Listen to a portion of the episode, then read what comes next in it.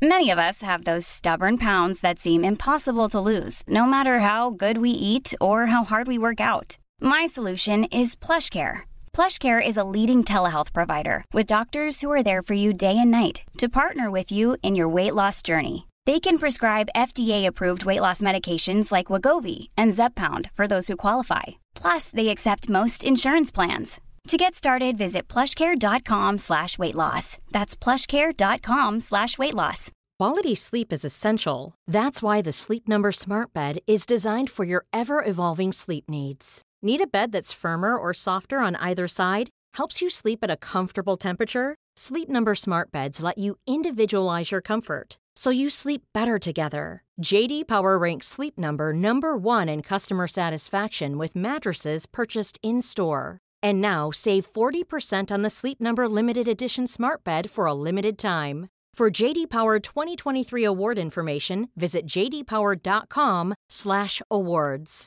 Only at Sleep Number stores or sleepnumber.com. And I think to myself, what a wonderful world. Dette blir nydelig. Vi, vi har jo fått eh, høre av folk Øystein, at vi må, vi må snakke mer om ski. For skiprat må tilbake, få det opp på agenda. Eh, og, og hvilken måte å få skiprat tilbake på agenda på. For vi har, altså, vi har slått på stortromma, skutt gullfuglen, alle andre eh, floskler. Vi har fått besøk av deg tilbake, av eh, Maiken Caspersen Falla. Det er en glede å ha deg tilbake på besøk. Jo, tusen takk. Jeg gleder være tilbake òg. Ja, Det er en ære. Ja, men det er så bra. Vi, sist gang du var på besøk, så var det vel, da snakka vi om mesterskap, og du var jo aktiv utøver og sånn. Men så har du nå, eh, etter sesongen, årets sesong, beslutta at nå nok får være nok. Nå er det på tide å gjøre andre ting, og så legger du skia på hylla. Eh, og, og det har vi lyst til å hylle litt, vi. Ja. Det? Ikke, ikke, ikke nødvendigvis at du gir deg, da. Det er jo ikke det vi har lyst til å hylle. Nei, nei, nei. nei. Så bare sånn. Nei, altså det er jo faktisk eh, vanskeligere å gi seg enn man egentlig tror òg. Ok, Merker jeg. få høre. Få høre. Eller sånn Nei, jeg ble jo Jeg hadde løpt intervall her med Marte Christoffersen, som dere sikkert kjenner til, og det gikk bra. Jeg var i godt humør, og da ringer de fra Kirkebakken Grand Prix, lurer på om jeg har lyst til å være med der, og ja. det, det hadde jeg, da. Så kanskje det jeg ikke har satt så pris på som utøver, da. Bare syns jeg var veldig morsomt akkurat nå. Så det blir jo Kirkebakken om eh, en liten måned. Så helt, helt på hylla kan man ikke legge de skia, da. Når man har sagt ja til noe sånt. Men eh, når vi først snakker om det, nå ble jeg nysgjerrig. Jeg vet Det er jo en, eh, del andre som eh, var veldig gode i, sprint, som har hatt en sånn, sånn karriere nummer to i langløpssirkuset. En av dem sitter jo her i rommet med, med oss nå.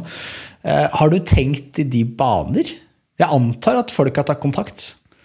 Det er ingen som har tatt kontakt og spurt om det, så det har egentlig ikke vært å vurdere, nei. Eh, ikke enda, men jeg har jo veldig lyst Altså, jeg har bodd på Lillehammer i Åh, hvor lenge da? I 13-14 år.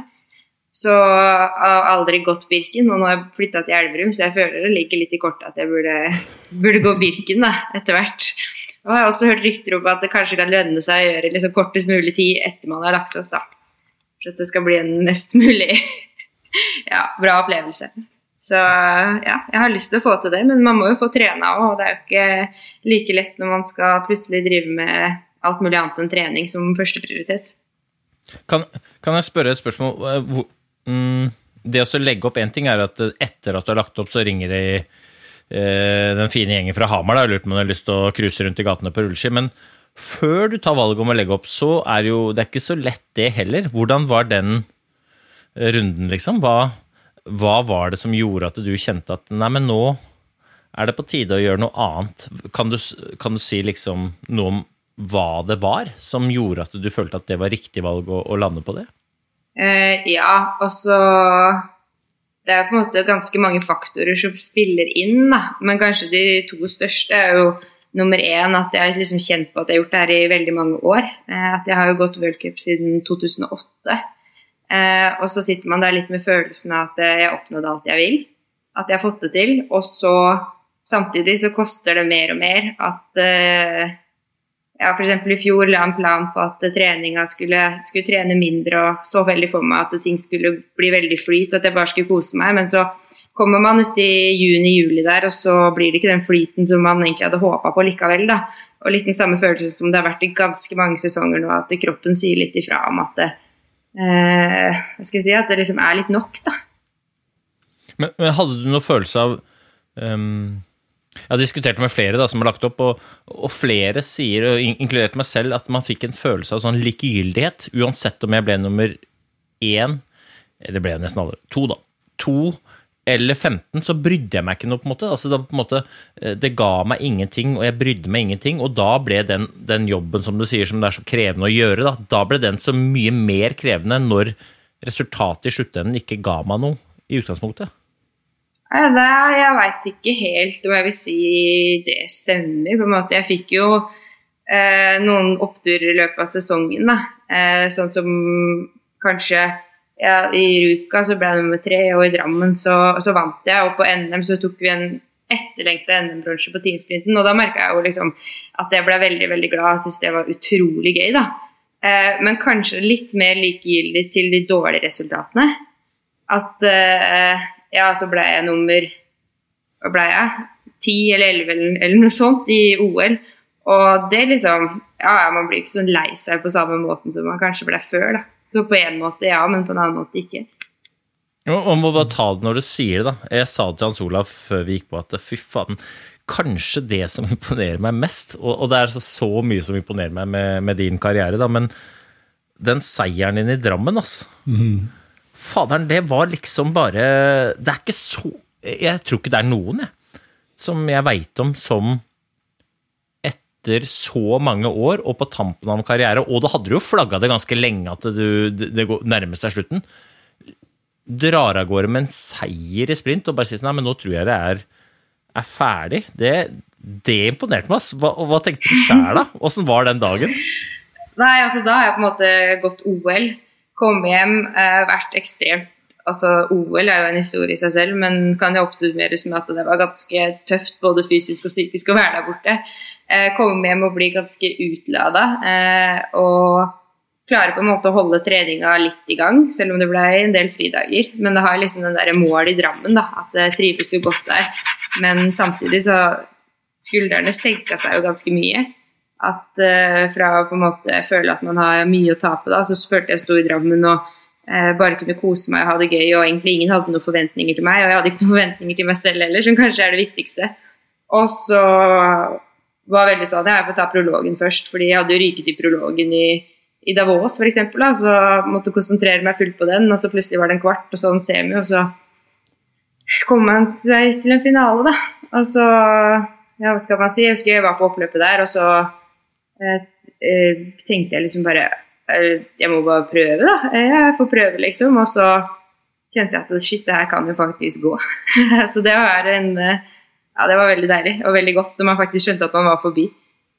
Litt gammel vane, det oppløpet der, da. Så har mange gode minner og alt det der i boksen, ikke sant. Og så eh, på en måte så for meg at eh, all den treninga og alt det man har vært igjennom de siste ja, 14 åra på landslag, da, at det liksom dytta meg litt fram. Mm. Men du, du, har jo for du har jo vært en liksom sånn eh, du har jo vært en garantist på mange områder. Drammen bl.a. Du er jo stort sett alltid jeg føler der er du jo, Om ikke du vinner, så er du på pallen. Du er vel stort sett alltid å regne med når du deltar der. Men jeg mener jo litt, Maiken, hvis jeg skal være på, på dine vegne jeg, jeg, føler at du, du, For du har jo alltid vært en sånn mesterskapsgarantist. Når man ser på liksom CV-en din, så er du helt det er jo helt sinnssykt. Altså, du, allerede i 2011 så kommer du inn, og da hva, kan ikke være gammel, er ikke vi jevngamle, så må du vært ganske ung dame, inn og ta medalje. Og så har du jo tatt medalje i alle mesterskap siden, har du ikke det? Mm, jo, bortsett fra OL, da. Det gikk jo litt skeis. Men uh, uh, jo, bortsett fra det, så klarte jeg å ta medalje i alle mesterskap. Ja, aller siste. Ja, men da kom Drammen, da, så det er det. Da kom Drammen, jeg føler, jeg føler, at, ja, jeg føler den. Og, og, det var vel litt Altså, ikke, ikke et vondt ord om OL, men det var, det var hakket bedre stemning på Bragenes torg enn det var det i Pyeongchang nede i vinden der. Det var det. Ja, også sånn Det var eh, Altså, Jeg kunne sikkert prata lenge om hvordan det var å være i OL, men altså, det var surt, og det var kaldt, og det var mørkt, og det var treig snø. Og det var dårlig mat, og jeg fikk ikke sove, og jeg fikk ikke spise, og det var liksom bare sånn Jeg har vel hatt bedre dager, da, enn jeg hadde der nede. Ja. om OL. Men, men bare en ting jeg tenker på med, med klærne dine, Maiken. For at jeg, jeg mener Dette er en, kanskje en brannfakkel, men jeg føler litt at ikke du har fått helt den kredden du fortjener, med tanke på eh, at du er, eh, som Petter Skinstad, vår venn, eh, sier, tidenes, sannsynligvis tidenes langrennssprinter. Man kan i hvert fall hevde det uten at noen kan ta oss på det. Eh, men du får kanskje ikke liksom det er ikke liksom nødvendigvis bysten av Maiken Caspersen Falla som man fester på Holmenkollen, eh, oppe, som står oppe på Holmenkollen der, liksom. Hva tenker du om det selv? Nei, altså, jo, jeg får jo veldig mye spørsmål om det. Da, så selv om jeg ikke har reflektert så mye over det selv, så uh, har jeg jo på en måte vært nødt til å reflektere litt hvorfor. Uh, og jeg tror jo én ting kan jo være det at jeg er jo en person som ikke er så veldig glad i oppmerksomhet og stor ståhei, da. At jeg kanskje liker å stikke meg litt unna og heller gjemme meg bak noen. At det er litt min personlighetstype, da. Eh, og så I tillegg så tror jeg det at eh, når man går sprint, så går man jo ett eller to renn i et mesterskap, og da eh, blir man ikke så synlig i forhold til de som kan gå, eh, kan gå alle distansene. Eller i hvert fall alle, alt som er lengre enn sprint. Ja, men så vil jeg arrestere deg, for at du er jo ikke noe Du har jo ikke vært en ren sprinter. Altså, altså Når det når klassiske etapper i stafett, f.eks., så har jeg så har, stort sett har jeg iallfall ment at eh, få Maiken Få Maiken inn! Få, bare gi henne Det er bankers. Du har, du har jo vært Du har jo gått fra deg, i hvert fall mener jeg, da, i klassisk distanse også. Men jeg vet ikke, Hva tenker du om det selv? Føler du at du liksom Eh, jo, altså det er jo på en måte Hvis jeg skulle tatt et år til, så hadde jeg hatt lyst til å satse mer på distanse. Men samtidig så er jeg stolt over at jeg tok valget og på en måte prioriterte sprint, fordi det var på en måte kroppen som sa litt ifra. At eh, eksempel ofte så er det sprint først, og så er det distanse dagen etterpå.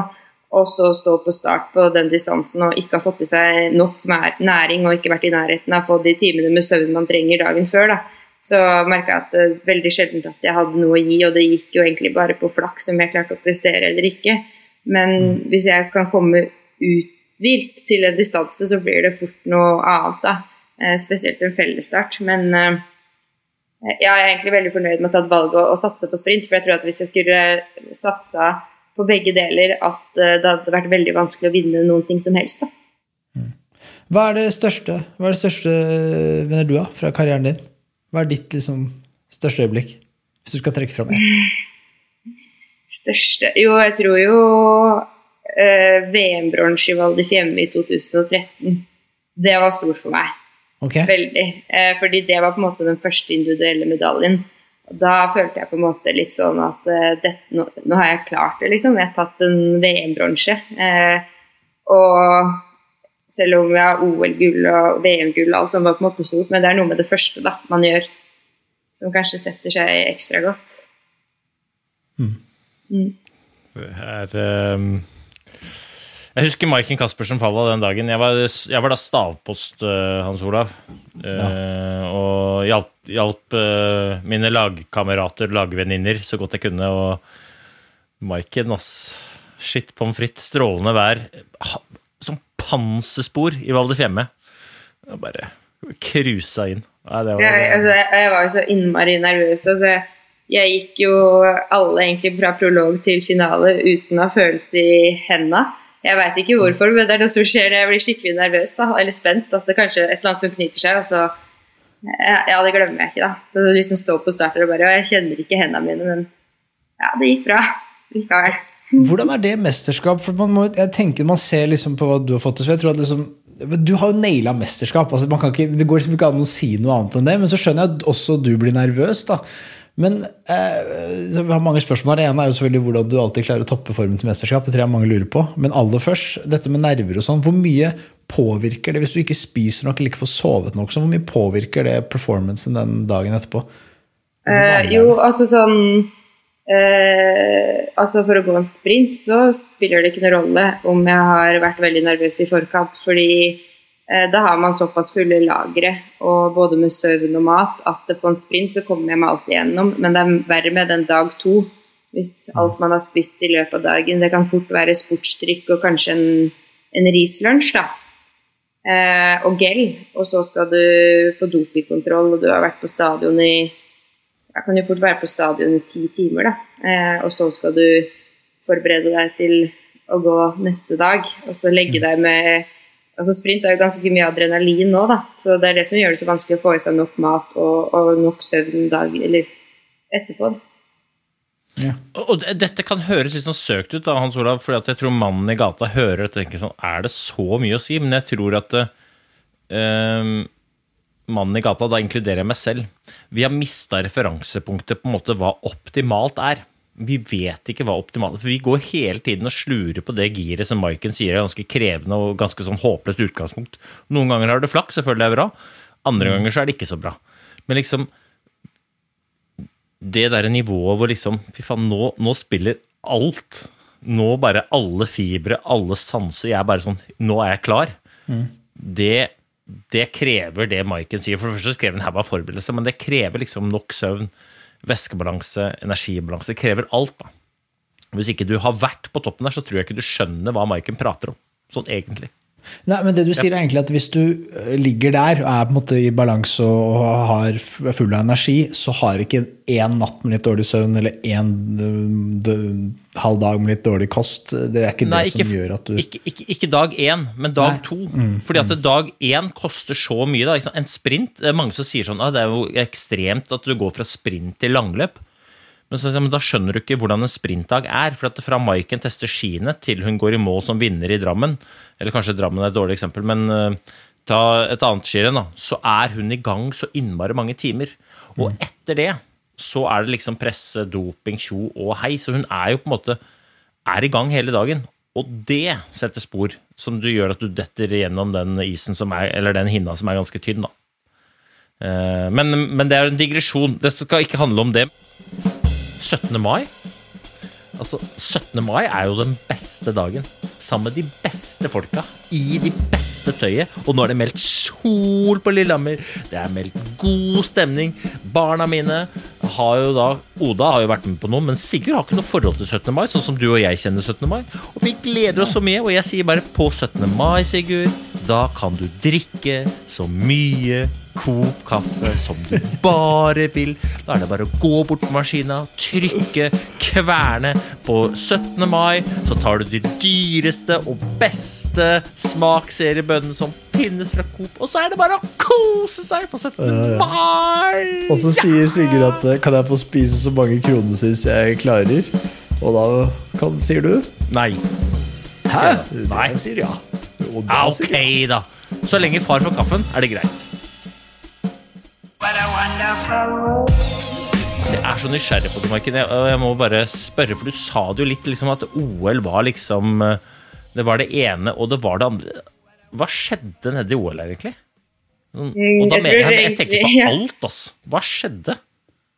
Nei, For å på en måte forstå litt, eller eh, Historien om OL begynner jo allerede på pre-camp i Seisdalen.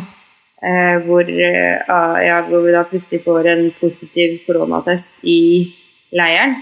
Eh, og den, selv om vi har vært forberedt på mye da, eh, på laget i de siste to åra, så, så var vi ikke forberedt på at vi skulle få en positiv koronatest. Og jeg tror ikke noen hadde nesten tenkt tanken at når vi var kommet der og vært der noen dager, så følte vi oss relativt trygge. Eh, vi, vi satt på bord og eh, prata på måltider og trente, og vi bodde på rom, og liksom, ting føltes veldig normalt. Og så slår det ned da, med plutselig en positiv koronatest og en melding på telefonen hvor det står at eh, alle går på rommet umiddelbart. Mer informasjon kommer. Da skjønte man liksom bare sånn Shit, hva, hva har skjedd nå? Eh, og så ender det jo egentlig med at vi sitter en uke i isolasjon eh, på et hotellrom. Eneste sosiale vi får med de andre, er når vi møter hverandre i matsalen for å hente mat for å ta ned på rommet, eller kanskje en ja, vi fikk de kanskje maks en time trening sammen, siden vi ikke fikk lov til å ha felles transport opp til der vi skulle gå på ski. Eh, og allerede da så begynte det å koste ganske mye, men man er klar for å gå OL og eh, innstilt på å gjøre alt for å komme seg dit. Men som sett i et ettertid så begynte mine batterier å bli ganske tappa allerede da, egentlig. Etter noen dager på isolasjon på, på hotellrommet, da. Mm. Eh, ja, så visste vi ikke Vi visste ikke om vi fikk reise, vi visste ikke om vi skulle reise. Eh, eller når vi skulle reise, da. Og så hver dag så er det koronatest, og i 4.50 der så plinger det inn en e-mail på telefonen om du har positivt eller negativt svar. Så det var jo ganske nervepirrende da, å sitte og vente på den der, eh, mailen for å se hva koronatesten viste i dag.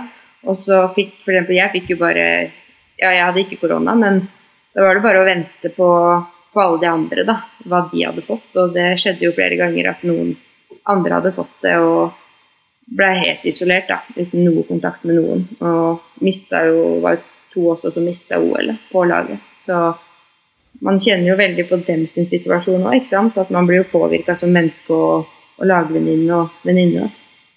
Men hvordan, hva gjør det med stemninga når dere da kommer ned? Altså dere kommer ned, alle pusta letta ut, minus da Heidi og Anne Kjersti, som dessverre må bli hjemme.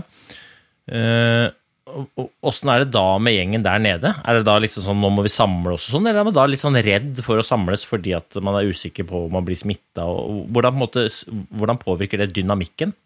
Mm, jeg følte vel egentlig vi var ganske flinke til å samles.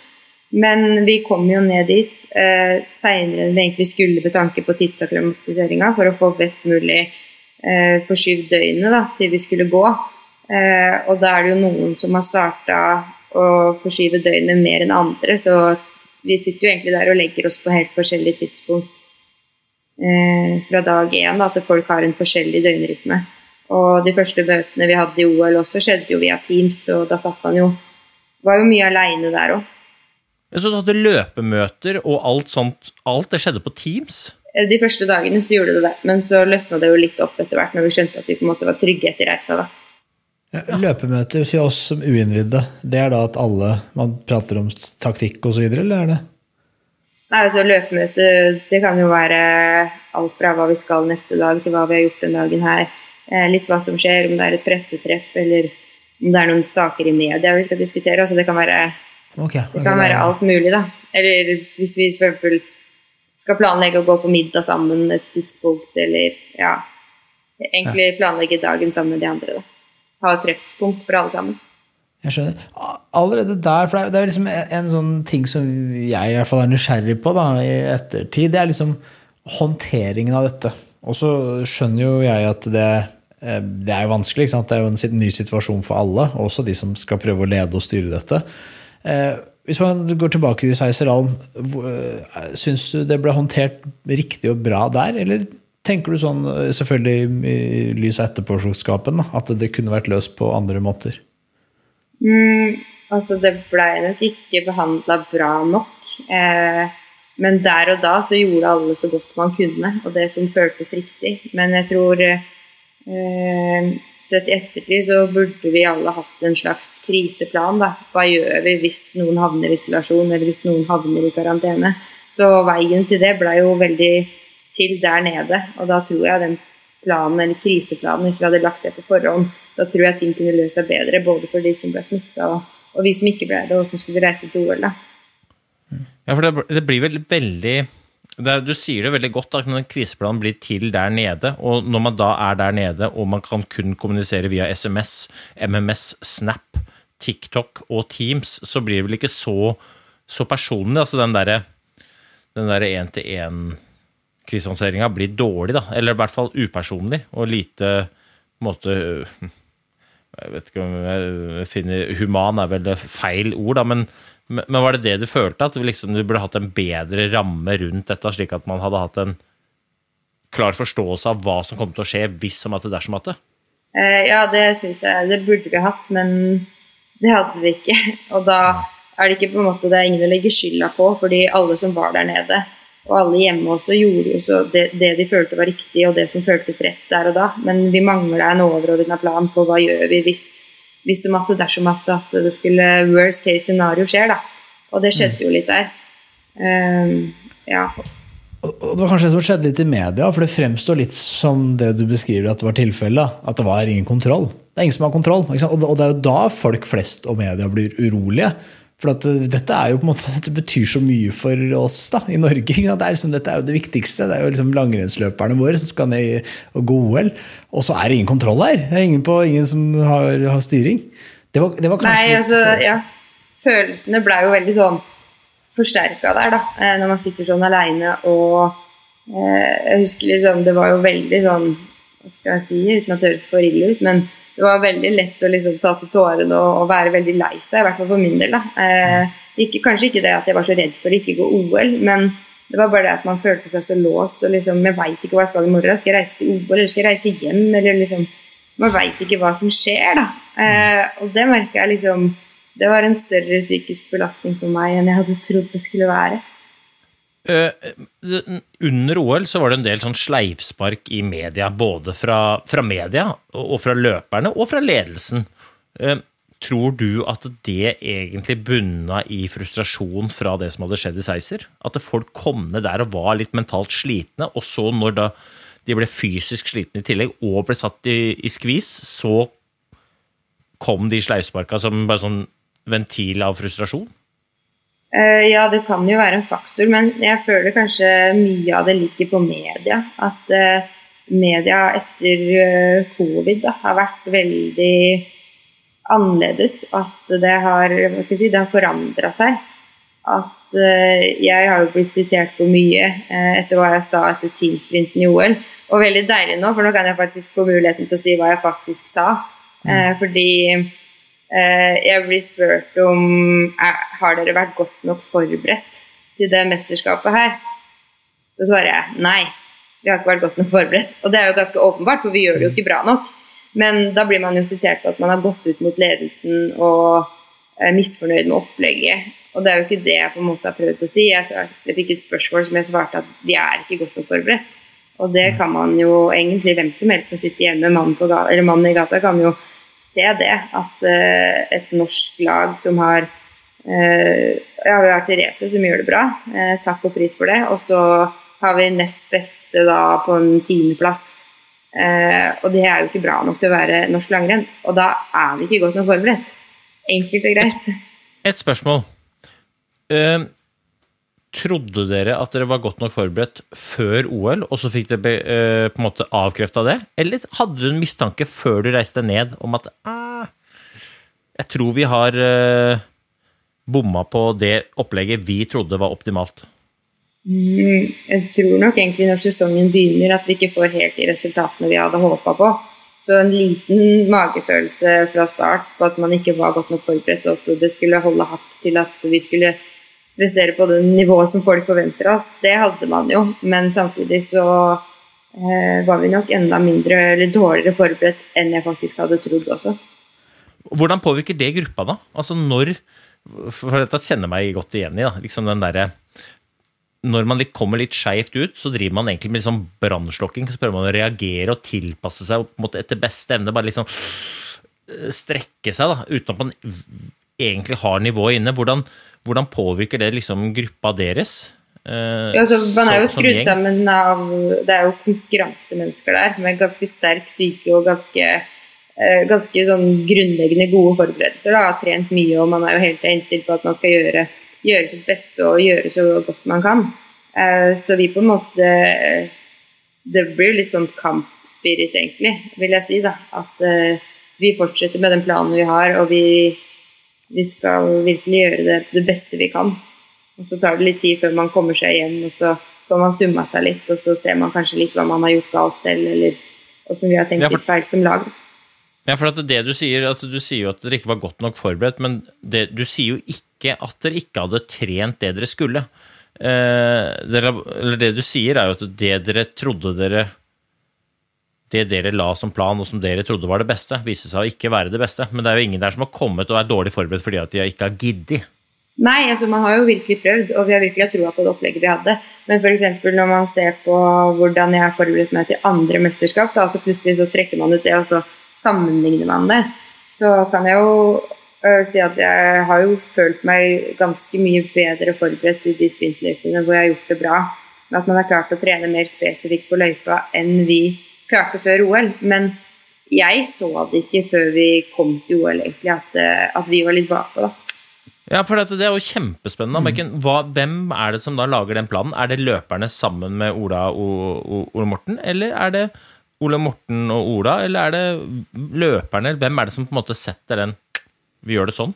Mm, jeg tror vel kanskje det i år har det jo blitt litt, eh, litt av alle, da. At det kanskje har vært litt feil nå. Eh, at vi som utøvere har nok vært veldig bestemt på hvordan vi vil trene, og så har trenerne kommet med eh, tips, og så har Olympiatoppen kommet med tips, og så er det kanskje ikke noen som er helt har klart å ta, ta ansvaret og ta ledelsen, da. Men det er min teori og min side av saken, da. Men, men, jeg ville tenkt, eh, og jeg var en av de som sa også før OL i år, at selv om ikke du hadde vist den formen du har vist tidligere sesonger, så tenkte jeg sånn, men, men slapp av, folkens. Maiken har kontroll på dette. Hun kommer inn der, og så, og så tror jeg det blir ikke utenkelig at det blir medalje. For, og, ikke, og, det er ikke bare fordi jeg har høye tanker om deg, det er jo for, jeg har høye tanker om deg fordi du har gjort det mange ganger før. Eh, men hvor mye føler du at folk lytter til deg? For det tror jeg er det første jeg Hvis jeg hadde vært ung eh, sprinter på det laget der, så hadde jeg gått rett til deg og sagt hva gjør vi nå? Nå er det to måneder til mesterskap. Hva, hvordan, hvordan er det, Dette har du gjort før. Hva gjør vi nå? Eh, jo, jeg tror jo de hører på meg, eh, men eh, Ja, hva skal jeg si? de hører nok på det jeg har å si, men er jo, jeg er jo veldig opptatt av at folk skal finne sin egen vei også, da. At mm. Uh, f.eks. nå er jeg jo litt trener på Vang toppidrett, og jeg er jo tydelig på at den veien jeg har hatt i målet, ikke nødvendigvis er den riktige for alle. At man må se litt på sine styrker og svakheter og hvordan man er som person, eh, før man kan si hva andre skal gjøre. Så jeg er jo litt redd for å på en måte si for mye også, da, for jeg liker at folk skal tenke litt selv hva som er best for best for meg, da. Du må stille spørsmål, Maiken.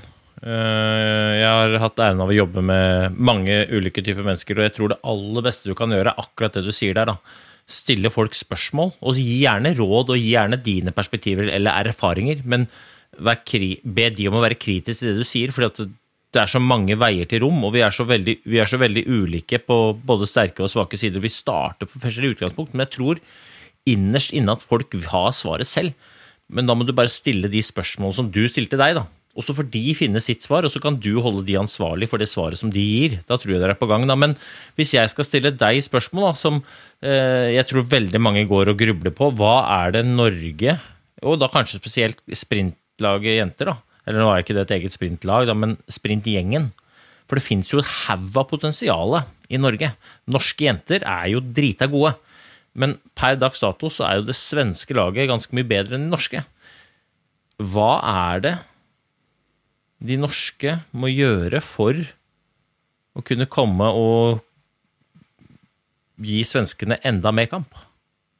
Mm, ja, det er jo mye man kan si, da. Eh, men eh, jeg tror jo at vi må se på laget som Altså se på den alderen som er der, den erfaringa som er der. Så må man litt kalle en spade for en spade òg. Så må man se at eh, her trenger man faktisk flere år på å utvikle seg og for å utvikle en god nok utholdenhet. Jeg tror det er mange som tror at du ikke trenger å ha en god utholdenhetsbase for å være en god sprinter. Eh, og en god utholdenhetsbase for en sprinter som kanskje er født med rask muskulatur og har, har det, måte, den genetikken på sin side, da, så kan man ikke trene hardt i ett år og øke timene sine masse, masse for å ta det steget på utholdenheten som man trenger for å holde en finale.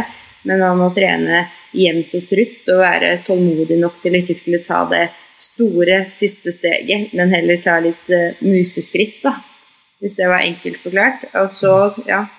Vil, vil du si at uh, Dette blir litt uh, nølete, men det har jeg tenkt på mange ganger. altså Damesprint og herresprint er to litt forskjellige idretter. fordi at eh, For det første er løypa um, litt kortere. Nå bruker dere for så vidt omtrent uh, lik tid, men som regel litt, i snitt litt kortere. Men den største forskjellen ligger jo i pausene.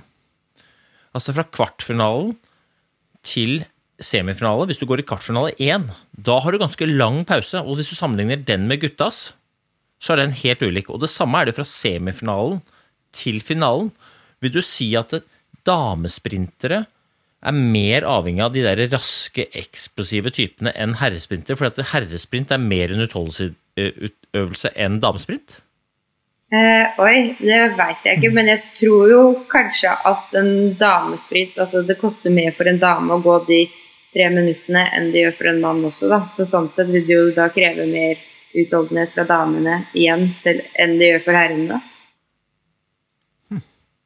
Ja, jeg, jeg bare tenker at eh, Ja, du har, du, altså, du har helt sikkert rett. Jeg ser jo at det, på, på herresprint så har du jo typer som Richard Chouve, som eh, altså, Jeg skal ikke si at han er dårlig utholdenhetsutøver, men han er ikke verdens beste på distanse. Eh, mens også på damesprint så har du flere Jeg mener at du har flere kanskje rendyrka sprinter på damesida enn på herresida, kanskje, men eh, hvem er jeg? Det er bare mine meninger, men jeg synes det var spennende å lufte med det. Eh, ja. Eh, nei, det er vanskelig å si akkurat det der. Altså, jeg har jo vært, en, eh, vært, vært som utøver ganske opptatt av å ha fokus på meg sjæl, og ikke tenkt så veldig mye på pausene til eh, herrene før akkurat nå, egentlig. Ja. Det er fornuftig, det. Det kan godt hende at jeg burde eh, spurt deg om jeg burde hatt litt mer fokus på meg sjæl en periode der sjæl. Det, mm, det kan hende det hadde vært uh, tøft nok i kantene til å svart. Ja, det tror jeg nok er fornuftig, Pølsa. Men Men Maiken, hva, hva bringer fremtida nå? Du, du, vi har jo snakka litt om det i stad. Du er eh, instruktør, lærer nå på, på Vang, eh, sa du. Eh, hva, hva liksom, hvilke mål har du nå? Jeg, du slår meg som en dame som har ganske har, noe, har setter deg noen mål. Hva, hva er de nye Eh, målene? Jeg har ikke satt meg helt nye mål enda, men eh, jeg syns det er veldig gøy å være trener eh, på Vang. At der får jeg på en måte Det er veldig trygt for meg å drive med langrenn, samtidig som jeg får utfordre meg på litt nye måter. At man må være med å organisere og lede og eh, ja, planlegge eh, økter. Da. Eh, og samtidig blir man jo litt mer reflektert over hva man har gjort selv også. Så det er en veldig fin periode for meg å være der akkurat nå. Og så har jeg jo litt planer om å ta opp studier. At jeg har egentlig alltid vært veldig glad i å gå på skolen og studere. Men egentlig hele livet, nesten altså barneskolen til og med, så har jeg på en måte satt trening da, foran eh, toppresultatene på skolen. Så jeg, jeg håper den der eh, studielysta og den eh, gleden jeg har hatt med det, fortsatt er der da, når jeg starter på studier til høsten. Kult. nå, nå jobber du jo med, med ungdom på Vang, da, men um, det er ikke alle ungdom som går på Vang på Elverum. Um, og når de spør deg om liksom ditt beste råd, hva svarer du da? Hvis du, uansett hva du har lyst til å få til, da. Hva, hva er det som gjorde Maiken så innmari god? Eh, jo, jeg har jo et svar jeg er ganske fornøyd med på det. At jeg sier at man må fortsette å trene på det man er god på. F.eks. hvis man er veldig god på å løpe motbakker, så tenker jeg kjør på. Tren masse på det, bli enda bedre og få deg en spisskompetanse på det.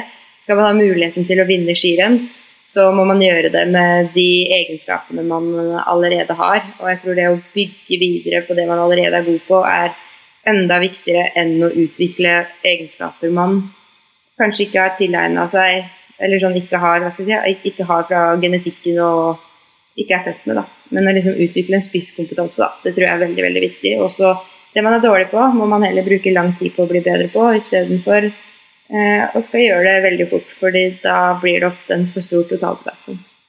Det der, det der syns jeg er så spennende og fascinerende og viktig. Og det her gjelder ikke bare langrenn. Dette gjelder, dette gjelder alle andre òg. Og jeg tror alle kan, jeg kjenner meg i hvert fall igjen i det, at man har lyst til man har lyst til å være eh, de tingene man kanskje ikke nødvendigvis har som du sier, anlegg for å være selv. Du, du, du, liksom, du, blir inspireres av andre, og så tenker man at man har lyst til å være som dem, istedenfor å gå i seg sjæl.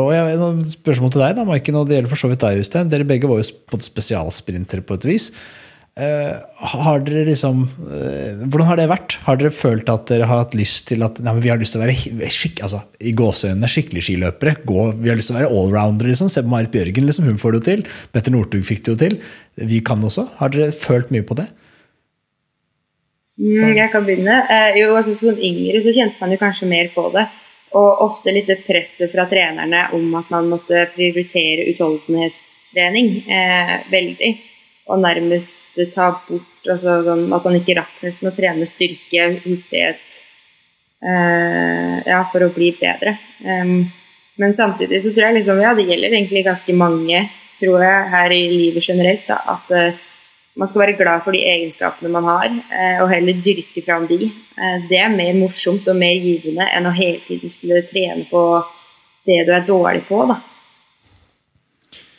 Jeg tenker jo at det, det her um, Jeg kan kjenne meg veldig godt igjen. Og jeg tenker at uh, for å dra parallellen over til de som ikke driver med idrett, da, så tror jeg man alltid skal ta utgangspunkt i sine sterkeste sider. Fordi at det er i spisskompetansen at man kan få til noe. Det er i spisskompetansen du kan bringe noe til teamet du jobber i, som faktisk hever teamet. Altfor mange er for opptatt av å skjule sine svake sider, og kanskje prøve å gjøre de litt mindre svake, og så ender man opp som en potet. Mm. Og en potet er helt greit, men poteten har aldri hovedrollen, og det er ingen som har lyst til at du skal komme inn i teamet som en potet i utgangspunktet.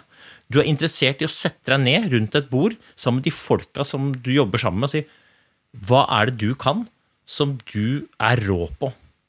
Og så kan du komme med det, og så er det andre rundt bordet som kan andre ting. Så alle trenger ikke å være potet. Ingen trenger å være potet, men alle må komme til bordet med det de er gode på, og det må de utvikle. Så jeg, jeg, jeg hyller det du sier, Marken, og jeg er så enig. I den uh, boka jeg skrev, så skrev jeg jo det at hvis du skal drive med utvikling, så ta utgangspunkt i dine sterkeste sider. For hvis ikke, så driver du ikke med utvikling. Da driver du bare med å, å, å skjule eller eventuelt gjøre de svake sidene dine litt bedre. Og det er ikke utvikling. Nei, altså Det som jeg syns er ekstra liksom, givende, da, hvis man begynner å dyrke det man er god på og skal lage seg en spisskompetanse, om den er smal eller bred, har ikke så mye å si, men det er jo det som på en måte har styrt meg fra jeg var, eh, var, liten. da, At jeg har turt å trene på det jeg er god på. Det er jo det at det, eh, det viktigste av alt, det er jo det som er gøy. Ja. ja. Men er det litt hemmeligheten også bak? For, for, for, Jeg har ikke tenkt sånn på det, men når jeg ser liksom på kvinne, norsk kvinnelangrenn, så er det på en måte har det kanskje vært et litt sånn syndrom at man ønsker å være man, Eller kanskje at omgivelsene ønsker at alle skal være allroundere. For sånn, det er det vi er i Norge. Mens i Sverige så har man kanskje hatt en kultur der vi, nei, vi kan ha et jævlig bra sprintlag. vi. Og vi hyller sprinterne. Og de tør å bare, det er det vi skal spesialkjøre sprintere. Mens du turte å være den liksom, gjøkungen i det norske reiret da, som sier vet du hva, jeg har lyst til å bli best på sprint, ja, og da kan ikke jeg drive og surre rundt med den andre, for det funker ikke på kroppen min. Er det noe Ja, jeg tror vi ligger der òg. Eh, det var jo når jeg var yngre, så ble jeg veldig ofte spurt når jeg skulle bli en ordentlig skiløper og når jeg skulle gå distanse, ikke bare sprint. Og jeg ble jo ganske lei av det. og hvis jeg hadde blitt spurt om det i dag, så er jeg ganske sikker på at jeg skulle klart å stå stødigere i meg selv eh, og svart eh, mer det som er riktig for meg. Men når du da er 22 år og hører noe sånt, så blir man jo fort i forsvarsposisjon, da. Eh, og syns jo ikke det er noe gøy. Eh, fordi man er jo ikke moden nok til å på en måte stå opp for seg selv. Men hvis noen har sagt det til meg, så i dag så tror jeg liksom jeg heller ville på en måte vært stolt av den jeg er, og forklart sånn som jeg har gjort her, da, eh, hvorfor jeg velger å gå sprint. At det er det som gir meg mest, og det er det som er morsomst for meg å drive med. Det er ikke bare. Nei. Men du kan jo se på Frankrike òg, da. ikke sant? De har jo et eh, Det er ikke det er ikke feil å si at eh, Frankrike renner ikke over av skiløpere. Men de har noen sinnssykt gode sprintere. Ja. Og det er liksom uh, Lucas Janava, det er Baptiste Gros, det er um, Richard Chouve og den gjengen der. Og når du treffer de på gata, så tenker du ikke sånn ah, det der er, De der driver med langrenn, liksom. Det ser ut som de driver med noe annet. Men de er sjukt gode på den smale grenen sprint som langrenn faktisk er. Der er de helt Han ene tok med seg gul trøye hjem til påskeferie og nøyt påsken nedi der, liksom. Så jeg er helt eh, Jeg, jeg, tror, jeg tror, dette er, er viktig, da. Og, men i Norge så er det litt sånn En ting er langrenn, men jeg mener sånn i samfunnet òg. Man skal eh, skal helst ikke rendyrke de sterkeste sidene. Heller jobb med det svake. Kom deg opp og liksom så, Og da blir vi jevne, da. Og så greit, men det er ingen som egentlig har lyst til å være jevne. Du har lyst til å være drita god på noe, ikke medium på alt. Nei, så hadde jeg vært nummer 15 i worldcup på sprint og distanse fra jeg var 20 til 25, så hadde jeg jo på en måte ikke sittet her som 31, snart 32-åring og på en måte hatt den, hatt den karrieren jeg hadde hatt. da. Altså sånn den gleden. Og jeg hadde ikke kommet så langt hvis på en måte målet hadde vært å vært middels god på begge deler. For jeg tror neppe jeg hadde klart å bli best på alt. Da. Et siste spørsmål, Maiken, før vi skal slippe deg ut i, eh, i kvelden her. Uten at du trenger å si noe om hvem som eventuelt blir, men hvem burde vært Norges nye trener på damesida? Oi, det Hvis Maiken kunne velge. Det er, det er spennende. Ja, det er veldig spennende, da, for jeg merker det er veldig gøy å følge prosessen fra utsida. Det er en litt ny rolle for meg. da. Så jeg har faktisk vært mer interessert i det enn, enn jeg burde, kanskje. Men eh, jeg tror jo eh, Hvis jeg skal si min favoritt, da, det må være lov, det. Ja, Eh, ja. Se gjerne din ikke-favoritt. Men det er jo ikke jeg er kjenner sånn helt personlig, men det er en som har vært med i langrennssirkuset lenge, eh, og som har en veldig god og positiv energi, da. Eh, og det er jo Stadheim. ja.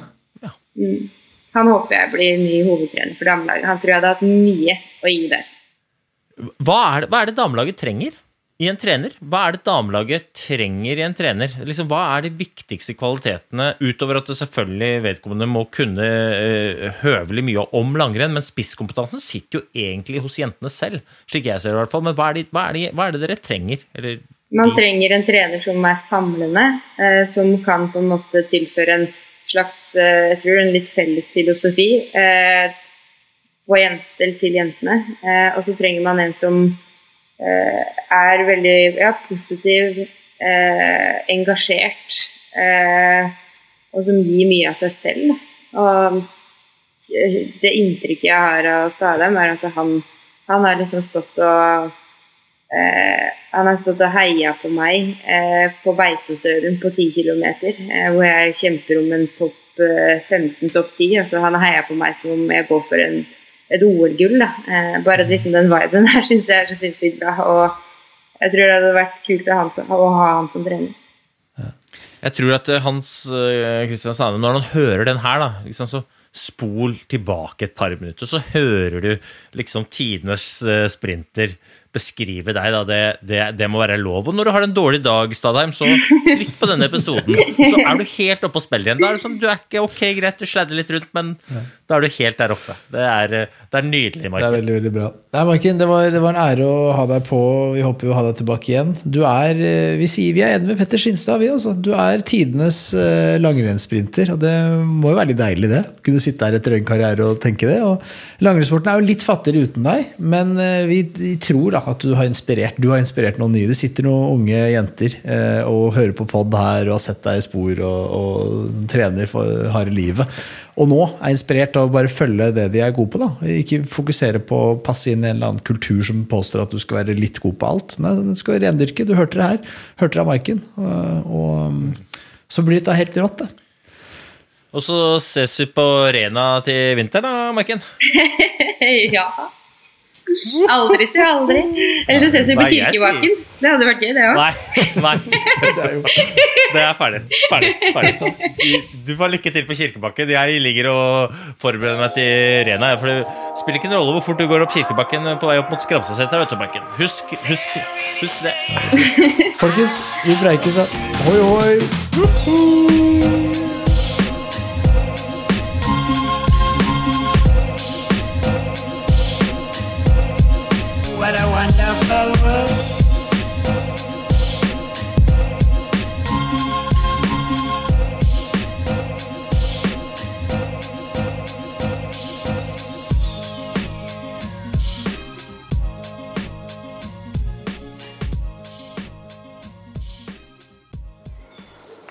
Gode dager.